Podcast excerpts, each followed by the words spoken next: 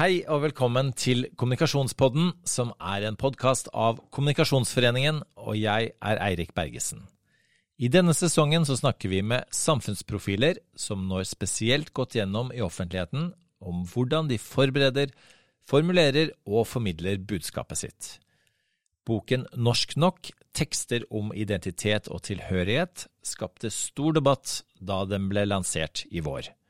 Vi har med oss redaktør Mala Wang Navin, som forteller hvordan hun har brukt bokformatet som en knagg for å kommunisere omkring en løpende og polariserende debatt.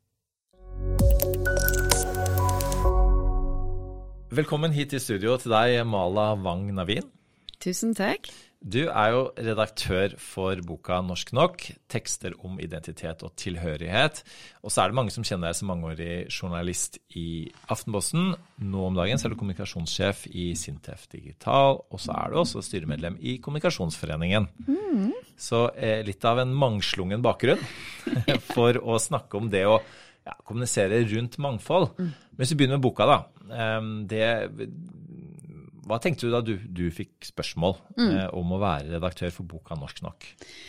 Altså, eh, Jeg kjenner jo dette forlaget, fordi vi har hatt eh, litt å gjøre med hverandre tidligere. Og eh, de luftet egentlig en veldig sånn løs idé om å samle noen stemmer. Og dette er jo ikke første gang man gjør det. Det som var litt spesielt denne gangen, var jo at man hadde en pågående debatt som hadde en litt ny eh, dreining, litt, et, et, litt nytt eh, perspektiv. Som jo Fawad eh, Ashraf, som da er eh, debattredaktør i Avisa Oslo, hadde bidratt med. Han sparket i gang med en veldig personlig Eh, eh, annerledes eh, tekst, som handlet om det å, å, si stopp, det holder nå. Jeg er norsk nok akkurat som jeg er. Um, og så ble det jo en del eh, ståhei rundt det. Kan man si det? Eh, for no, en refleksjon jeg har gjort meg i, i arbeidet med boka, er jo at eh, dette hadde jo ingen sagt før. Altså Min generasjon spesielt har vært veldig opptatt av at vi skal være norske. Vi må liksom si at vi er enten norske eller norsk-indiske, f.eks. i mitt tilfelle. Så, så um, Forlaget luftet ideen. Vi begynte å diskutere liksom fram og tilbake hvordan en sånn bok kunne være. Eh, og eh, de var veldig sånn fascinerende bestemt da, på at det skulle være et litt sånn geriljaaktig tempo på det. Vi skulle liksom bare duh, gjøre det sånn slag i slag, og eh, gjøre det mens debatten var varm. Um, og da sa jeg at ok, men da må vi være ærlige på at dette nesten ikke er en bok.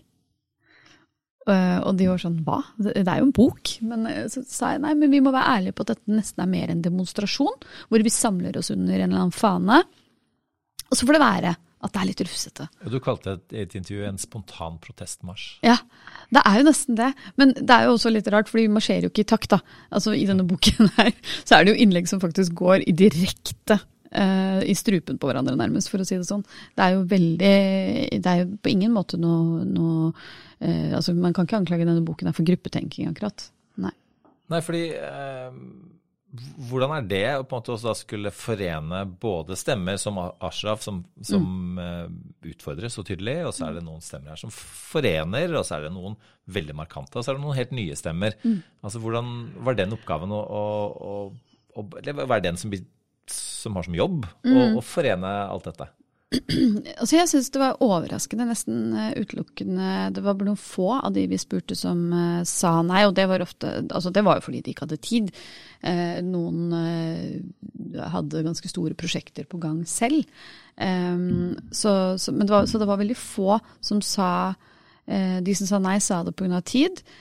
og så var det én som sa det sa han takket nei fordi eh, vedkommende mente at eh, debatten ikke fanget opp minoriteter, da, eller nordmenn med minoritetsbakgrunn som f.eks. hadde en fot i Altså en forelder fra et annet land. At dette nok en gang var en debatt som, som var kuppet av arbeidsinnvandrernes barn. Eh, noe som jeg syns var veldig sånn, rart, fordi vi har jo på ingen måte Altså ja, Fawad er arbeidsinnvandrersønn. Eh, jeg er også det, men eh, veldig mange i denne boken er jo ikke det. Men Var det sånn at du lurte på er jeg norsk nok til å være redaktør for dette, eller er jeg for norsk for å være redaktør? Nei, eh, det eh, har jeg vel uh, egentlig Altså når jeg sier Når jeg får sånn veldig sånn konfronterende spørsmål om hva er du, så kan jeg selvfølgelig svare like kontant tilbake jeg er norsk.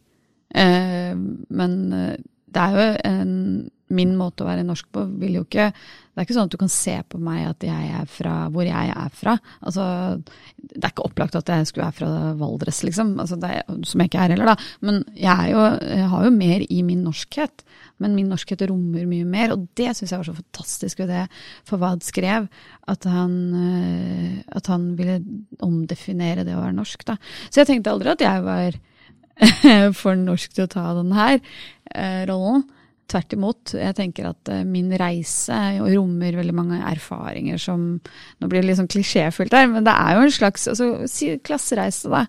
Altså fra jeg vaska gulvet i svære villaer ute på uh, Ormøya, liksom, til i dag at jeg har en sjefsrolle og et, et, privilegium med, med, en stemme som noen har lyst til å lytte til.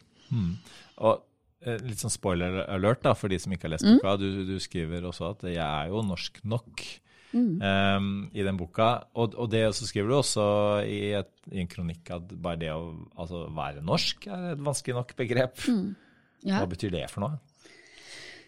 Nei, for altså, det er jo hva eh, Det er jo ofte handler det om hva mottakeren hører. Eh, jeg har ofte sagt at eh, da jeg var i 20-åra, så land, skjønte Jeg hadde sånt en sånn slags åpenbaringsøyeblikk, for å kalle det det.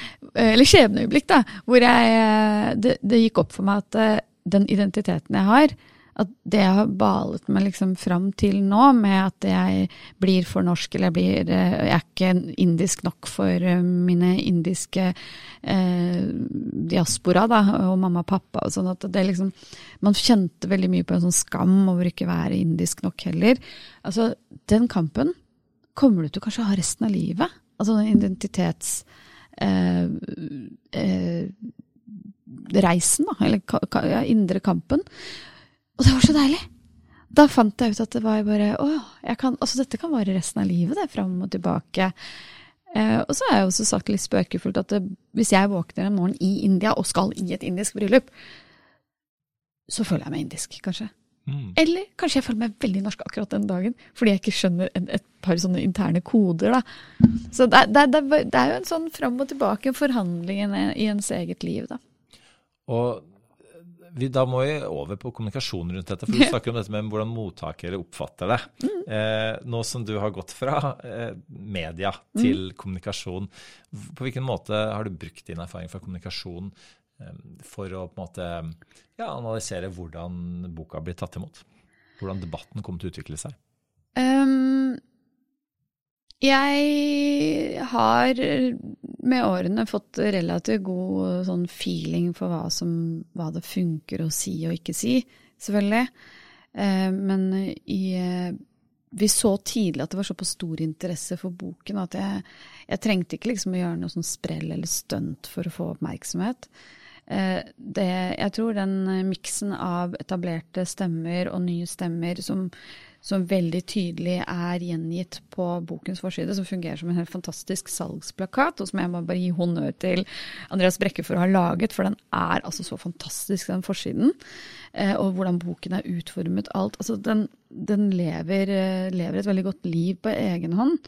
Og så er det så Kommunikasjonsfaglig så har jeg vel eh, sett at jeg Så jeg tidlig at jeg trengte å gjøre egentlig lite annet enn å stille opp når jeg ble spurt. Og så er det jo en egen makt i sosiale medier for tiden. Jeg, jeg er jo sånn eh, en av de sjeldne kommunikasjonssjefene som faktisk bruker Twitter. da. Og fremdeles mener jeg at Twitter har noe for seg. Det er kanskje meg og Elon Musk da, som mener det. og noen til. Men, men, du har vært inne på å kjøpe Twitter for ja, å bedre ja. kommunikasjonen din? Ja, jeg er ikke helt der. men, men og, og, så veldig mye har jo selvfølgelig foregått på, på sosiale medier. Og så viste det seg jo at det var um, Først så tenkte jeg jøss, så mange flater NRK har å fylle. Fordi det kom veldig mange forskjellige forespørsler fra ulike redaksjoner. Jeg tror jeg kontaktet én redaksjon. Det var den eneste eksterne henvendelsen jeg gjorde. Um, og så ballet det på seg med andre forespørsler. Og jeg tror jeg gjorde ti-tolv intervjuer på ti dager. Det var ganske intenst. Og så kom jo eh, en eh, veldig spesiell forespørsel, og det var fra Lørdagsrevyen, som ville lage et portrett. Og det skal jeg innrømme, at uh, min, kommunikasjons, min, kommunikasjonshjerne så ikke den komme.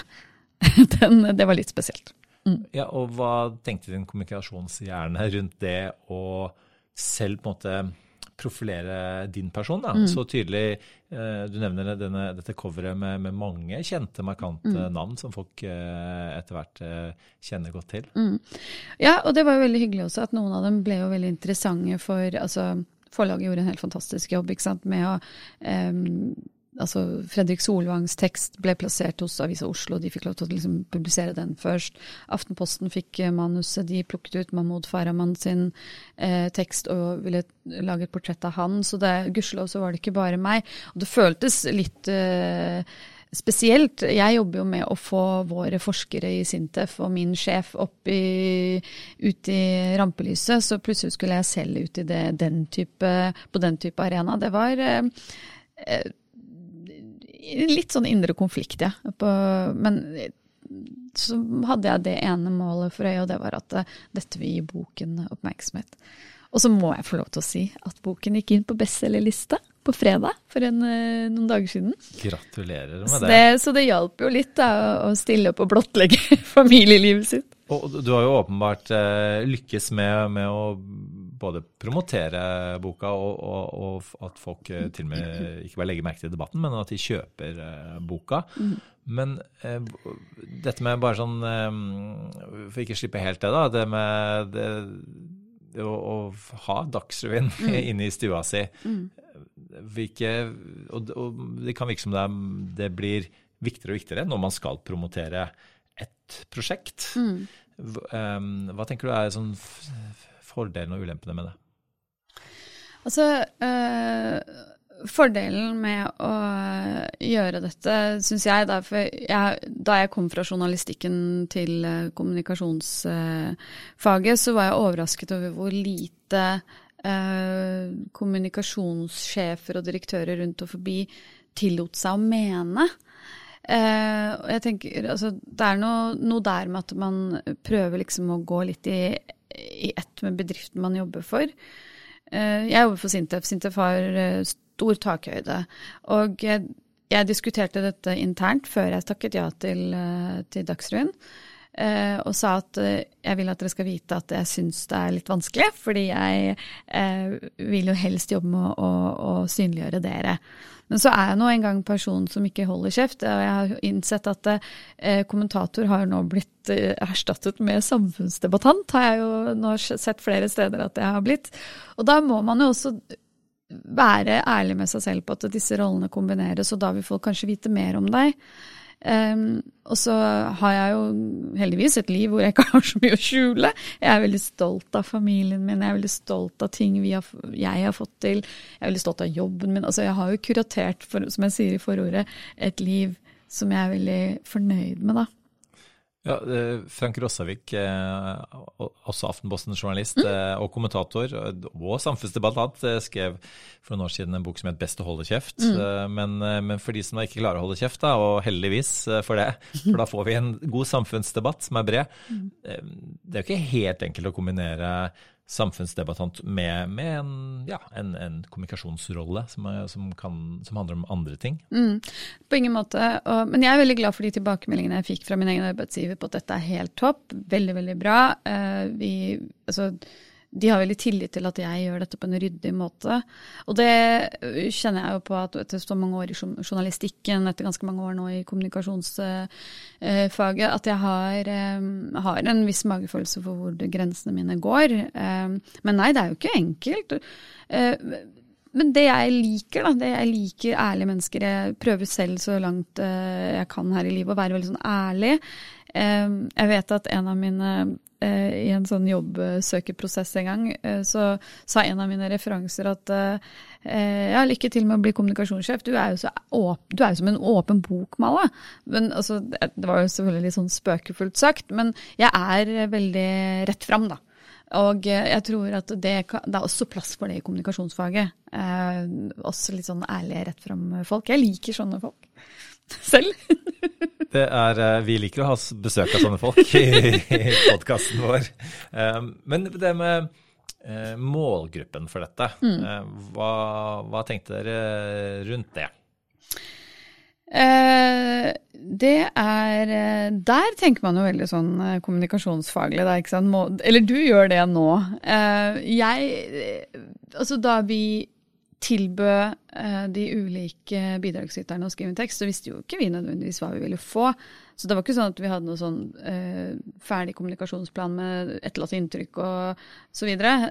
Det, det finnes ikke her. Eh, men det jeg håper og tror, er jo at eh, boken treffer ganske bredt. Og det er jo liksom kanskje veldig opplagt å si også. Eh, men jeg vil at de som leser den, er nysgjerrige på hva slags kamper og, og hva slags gruppetenkning vi med minoritetsbakgrunn har blitt utsatt for, og hva slags kamper vi står i. Det kan være interessant med denne boken. Men mitt innerst inne i hjertet så håper jeg jo at den uh, treffer mange unge lesere som står i uh, vanskelige livssituasjoner, og som kan lese at ja, men det har Fredrik Solvang gjort òg. Det har Karpe, som er superstjerner i dag, gjort også. Uh, det har mange av disse Abid, som jo har skrevet en hel bok om det. Det er, det er så mange såre, fine, oppmuntrende empatiske tekster her, da, som, som, jeg tror kan treffe ganske mange. Men jeg håper selvfølgelig at eh, den finner veien inn i bibliotekene også, sånn at vi kan få henta ut de leserne der. Og, eh, du var inne på dette med at eh, som samfunnsdebattant da, så, så er, er, jo disse debattene veldig løpende, og de endrer, mm. endrer litt karakter. og så heiv dere, dere rundt mm. eh, for, å, for, å, treffe tidsånden mm. så godt som mulig. Men mange vil jo tenke at det nesten er umulig, og at det med en fysisk bok det er noe veldig avleggs. Mm. Eh, og hva, hva, var tenkningen der? Hvorfor var det viktig å utgi en bok i seg selv? Ja, det er, altså det er, nettopp derfor jeg nesten tenker at det er jo ikke en bok. Selv om den fysisk her nå ligger foran meg, så er den jo veldig sånn Den er jo tidsbildet. ikke sant? Vi fanget en debatt, eh, en debatt som var veldig sånn spesiell, og som, som eh, skjedde våren 2022. Eh, det var viktig å få den ut sånn at den eh, var et ledd eller en omdreining i nettopp den debatten. Og det er jo boken, ikke sant. Ment som Hvis denne hadde kommet ut til jul, så hadde den hatt samme pondus, tenker jeg da. Eh, og så må jeg jo virkelig berømme det bitte, bitte lille forlaget Respublika. De er liksom tre damer som altså, er så dyktige og flinke. Altså, det er bare sånn helt vanvittig hva de får til. De gir ut Brageprisvinner, og denne havnet på, på norsktoppen, holdt jeg på å si. Det er sånn de får til så mye, da, så, men det er nesten helt utrolig at det gikk. Det var eh, det, det, Jeg hang i Altså, mai er en eh, Mai og, og juni er litt sånn eh, tåke for meg. det gikk veldig fort. Kom med en liten disclaimer her at jeg har også utgitt en bok på Res Publica, yeah. som, men som ikke solgte like mye. Ikke fordi at det var en quizbok, eller mm. fordi at den kom ut idet pandemien traff Norge, men, men det skal jo mye til, da, og ikke minst på et lite forlag, å komme på bestselgerlister mm. og, og, faktisk bli lest, og ikke bare skape mm. debatt. Mm. Men når det er sagt, så, så har, jo, har, jo, Altså, du nevnte at å bruke sosiale medier mm. eh, som, som, en, som, en, del av jeg si, en komplementær del av det å mm. utgi bok. På hvilken mm. måte har du vært bevisst rundt å bruke sosiale medier? Jeg har brukt det veldig bevisst, eh, og hele tiden tenkt når skal ting ut, når skal jeg si det, når skal jeg Og så har det jo også skjedd litt sånne spontane ting underveis, sånn som da boken havnet på bestselgerlisten. Altså, da, da var jeg Holdt jeg Altså jeg ramlet av steppen, nærmest. Eh, jeg sto på treninga. Eh, og uka før så hadde jeg skada meg på steppen, så det, jo, det, hadde vært, det, hadde tatt seg ut. Jeg tror jeg hadde blitt kasta ut av sats til slutt. Men eh, det, det, var, var, et fantastisk øyeblikk, og da blir det jo veldig sånn spontant på sosiale medier. Men ja, jeg har vært veldig bevisst på det. Og eh, det det som slår meg gang på gang med å legge ut ting på sosiale medier, er at det er så utrolig mange flere som får det med seg enn du tror da, selv. Um, men, eh, men, eh, nok en gang, jeg er veldig sånn uh, magefølelsesstyrt, jeg er ærlig, jeg deler det jeg føler der og da. Og så tenker jeg at det har en, en verdi, da. Og det er samtidig skummelt, på den måten at uh, dette er jo en type debatt som, som hvor folk er spesielt polariserte mm. i en allerede veldig polarisert eh, sam, samfunnsdebatt. Hva, hva, hvordan tenker du at dere har eh, kommet ut av akkurat det? Eh, noe av, I kjølvannet av boken så var f.eks. noe av kritikken dette at eh, en del av de som eh, klager, da, eller sutrer nå, de er veldig privilegerte stemmer. Hvor er liksom eh, vaskedame altså, altså, fra Stovner, eller altså hvor er eh, Kjell som kjører eh, trailer fra Holmlia. Altså, jeg tenker at det er en rar etterspørsel. Det er jo ikke sånn at når eh, profilerte kommentatorer mener noe om noe i norske aviser eller på Dagsnytt 18, at jeg sier ja, men hvorfor er du der, hvorfor er det ikke en annen i din stol? Altså, man kan selvfølgelig si det, man har jo den retten, men det er veldig sånn urettferdig kritikk mot denne boken, for dette er en blanding av etablerte og veldig uetablerte stemmer. Men det er klart, i og med at vi skulle gi boken kjapt, så trengte vi folk som kunne uttrykke seg eh, raskt også, på en måte. Altså de kunne liksom sammenfatte noen gode refleksjoner og tanker rundt den tematikken som eh, norskhet som denne debatten her handlet om. da. Um, og så ga vi så god redigeringshjelp som vi klarte på kort tid. Så jeg, jeg, tar liksom ikke den kritikken til meg. Og så var det én kritisk stemme som mente at jeg hadde samlet mine venner i en bok, at det var nepotisme. Den har jeg kanskje ledd mest av, fordi at um, det, det, det jo, stemmer jo ikke. Uh, det er to uh, stykker, to navn på denne forsiden som jeg kan kalle mine nære venner. Og dette ble jo til ved at vi hadde Forlaget og jeg, vi hadde hver vår liste med interessante navn. og så diskuterte vi oss fram til den endelige lista. Da. Og det selvfølgelig kunne vært mange, altså Vi kunne gitt ut tre sånne bøker til. Eh, ja, apropos det, altså hvordan eh, ser du for deg, og dette er åpenbart en debatt du er eh, opptatt av og ønsker å delta i, hvordan ser du for deg at man tar videre en sånn type debatt etter at man har utgitt en bok? Det er ganske komplisert, og jeg kan jo fortelle bl.a. at det kom, begynte å komme inn noen stemmer på en tråd jeg hadde laget på Facebook, hvor jeg hadde kommentert noe av kritikken eh, rundt eh, boka og debatten rundt boka. Eh, hvor jeg begynte å se at det kom stemmer som sa ting om denne boken som bare er sånn hårreisende. Og at f.eks. at alle som bidrar i boken, dyrker sin egen offermentalitet.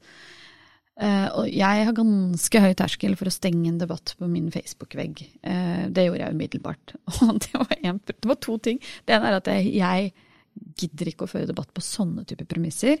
Og at jeg faktisk var ute i Bogstadveien og skulle handle klær. Så det, jeg, jeg, var i en situasjon hvor jeg ikke kunne liksom, uh, sitte og moderere den tråden. Så da bare stengte jeg debatten. Og tenker sånne typer debatter ønsker jeg uansett ikke. Fordi jeg vil, altså Man må kunne lese den boken før man kaster seg inn i debatten. da. Det tenker jeg er det viktigste. Så um, nå videre fremover så blir det vel litt uh, promo Det er laget en del videoer med uh, en del av de som er med i boken, som prater om hva de har skrevet om osv. Så, videre.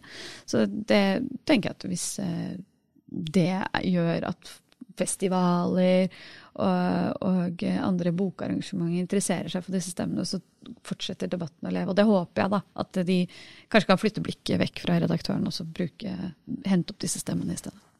Og så er det jo sånn at mange eh, norske institusjoner, bedrifter, organisasjoner osv. ønsker å bli bedre eh, mm. på å kommunisere rundt mangfold. Mm. Hvilke sånn tips vil du gi eh, de basert på dine egne erfaringer?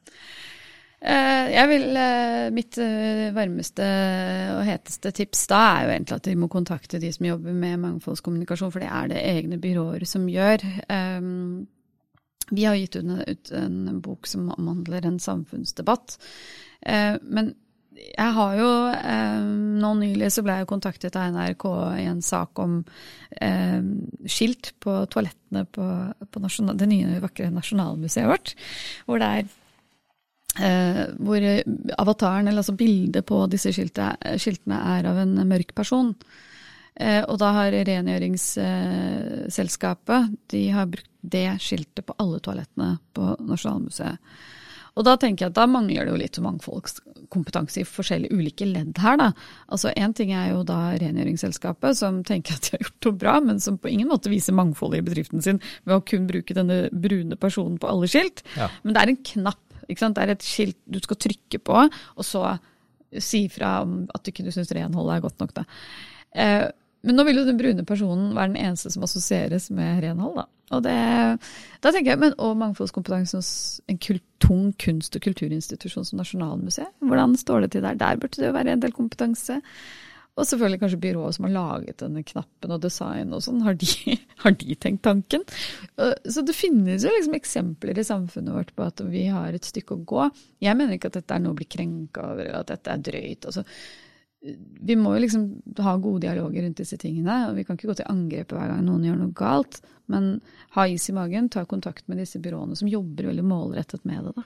Det er jo noen åpenbare feller å gå i her. Mm. Men uh, hvor, hvor, vi skal snakke litt sånn generelt, hvor langt syns du det norske samfunnet har kommet når det gjelder uh, den type kommunikasjon? Ja, nå må jeg be deg være litt mer spesifikk. Altså den typen sånn som dette skiltet, da? Eller? Ja, eller kommunisere rundt mangfold på en måte uten å støte den ene og den andre. Jeg syns det, det, er veldig varierende. Eh, noen institusjoner har kommet veldig langt. Eh, noen organisasjoner har jobbet veldig målrettet med det. Eh, og så finnes det jo faktisk, tro det eller ei, institusjoner og organisasjoner som eh, er så inne i sin fagboble at de ikke tenker på mangfoldet som noe de trenger å tematisere. Da. Eh, F.eks. innen forskning. Eh, hvor man har hatt internasjonale miljøer alltid, fordi der vet man at man finner den beste kompetansen. Det er å koble seg på, på tvers av landegrenser. Eh, der er det tatt så for gitt at man jobber i mangfoldige miljøer. da. Så, så, i Norge så syns jeg at no, på visse områder har vi kommet langt, og så på andre områder så har vi litt sånn banale debatter kanskje av og til, da, som dette med eh, knapper. er jo, man, men jeg ser på det som helt sånn relevant, da, og vi kan prate om det, fordi det er ikke så, det er ikke så farlig med diskusjon. Ja, og så kan jo, Vi får jo bare legge til at mangfold kan være ulike ting. Ja. Og, og mm. etnisitet og, og, og mange andre eh, aspekter eh, mm. av det å være menneske. Men eh, så oppsummerer så er man må få være målrettet, mm. være bevisst rundt dette. Mm. Helt til slutt, Mala. Du har jo gått fra media til kommunikasjon. Og ja, det er jo mange flere med innvandrerbakgrunn i media. Det er ganske få innen kommunikasjon. Mm. Vi har diskutert dette før ja. i, i bl.a. I, i tidsskriftet ja. kommunikasjon. Hvorfor tenker du at, eh, at det er så, så, få? Jeg tror uh, at eh, det er en litt uh, ukjent uh, rute å gå for enkelte. Um, jeg tror nok at det er veldig mange i uh, de generasjonene som er lik min, da, eksempel. Der var det noen opplagte sånne forventninger fra eh, foreldregenerasjonen, kanskje. Eh, og så har det jo noe med hvordan kommunikasjonsbransjen kanskje selv har liksom henvendt seg til, eh, til eh, den, eh, det segmentet av befolkningen, da. Altså, og så det handler det også ofte om representasjon, da. Um, jeg vet jo det veldig godt, for jeg får jo de henvendelsene ofte. Uh, at jeg har vist at at det går an å velge noe annet enn medisin, eller eh, eh de type ali-fagene som det heter, advokat og osv. Men eh, Jeg snakket faktisk med en som Kommunikasjonsforeningen nå jobber med, Vidar, Vidar Singh. Mm. Og han er Vi snakket om dette med at vi, vi selv beveger oss rundt i våre landskap. Han kommer jo fra byråverdenen og jobber jo med mangfoldskommunikasjon nå. Og man beveger seg rundt i sin egen verden og gjør sin egen jobb, og så plutselig så kommer det noen bort til deg og sier at det, det du har gjort har betydd mye for hvorfor jeg har valgt kommunikasjonsfag eller journalistikk, eller at jeg skriver bok fordi jeg leste eh, deg skrive om bøker i Aftenposten. Altså, det skjer via representasjon, så, så det, det, jeg tenker at det vil gå seg til. Og så bør jeg selvfølgelig alle som jobber med kommunikasjon ha det i bakhodet òg. At å hente inn rådgivere eller altså bygge ut teamet sitt med den kompetansen er, er lurt. da. Du mm. ser jo det i den, tilbake til den skiltsaken. Hadde det vært eh, noen med eh, mangfoldig bakgrunn i, på teamet, så hadde kanskje noen satt ned foten tidligere. da. Tusen takk eh, skal du ha, Mala Wang Navin, for at du var med oss i dag. Så hyggelig å være her. Takk også til deg som hører på. Mitt navn er Erik Bergesen. I redaksjonen har jeg med meg Anders Ringen, Malin Sundby Revå og redaktør Mari Mellum. Podkasten er laget med støtte fra Fritt Ord. Og dette var aller siste episode i denne sesongen, hvor vi har snakket med markante samfunnsprofiler om hvordan de bruker kommunikasjon for å nå gjennom med tema som forhandlinger, datasikkerhet, ungdom og bærekraft. Vi høres igjen etter sommerferien. Du har hørt en podkast fra Kommunikasjonsforeningen. Les mer om oss på kommunikasjon.no.